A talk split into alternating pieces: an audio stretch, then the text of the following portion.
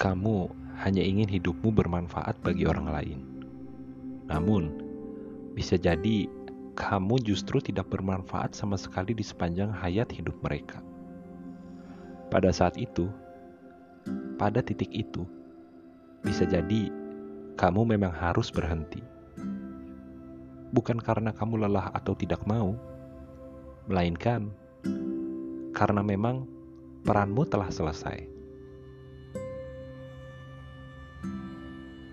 Mereka telah melanjutkan hidupnya dengan cukup baik.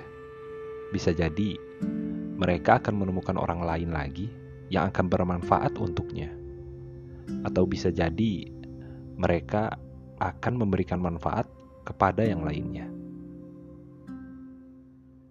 Di titik ini, kemungkinan besar keberadaanmu semakin jauh dari kehidupan mereka, dan semakin dekat dengan status terlupakan. Kita sangat mungkin untuk dilupakan. Kita tidak perlu lagi berpura-pura untuk tidak mengetahui fakta tersebut.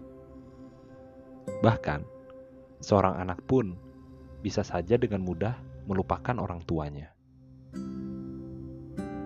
Maka, janganlah meminta untuk diingat kepada mereka. Minta saja untuk melanjutkan memberi manfaat baik kepada orang lain seperti yang sudah kamu berikan kepada mereka. Mintalah mereka untuk mengingatnya, bukan meminta mengingat.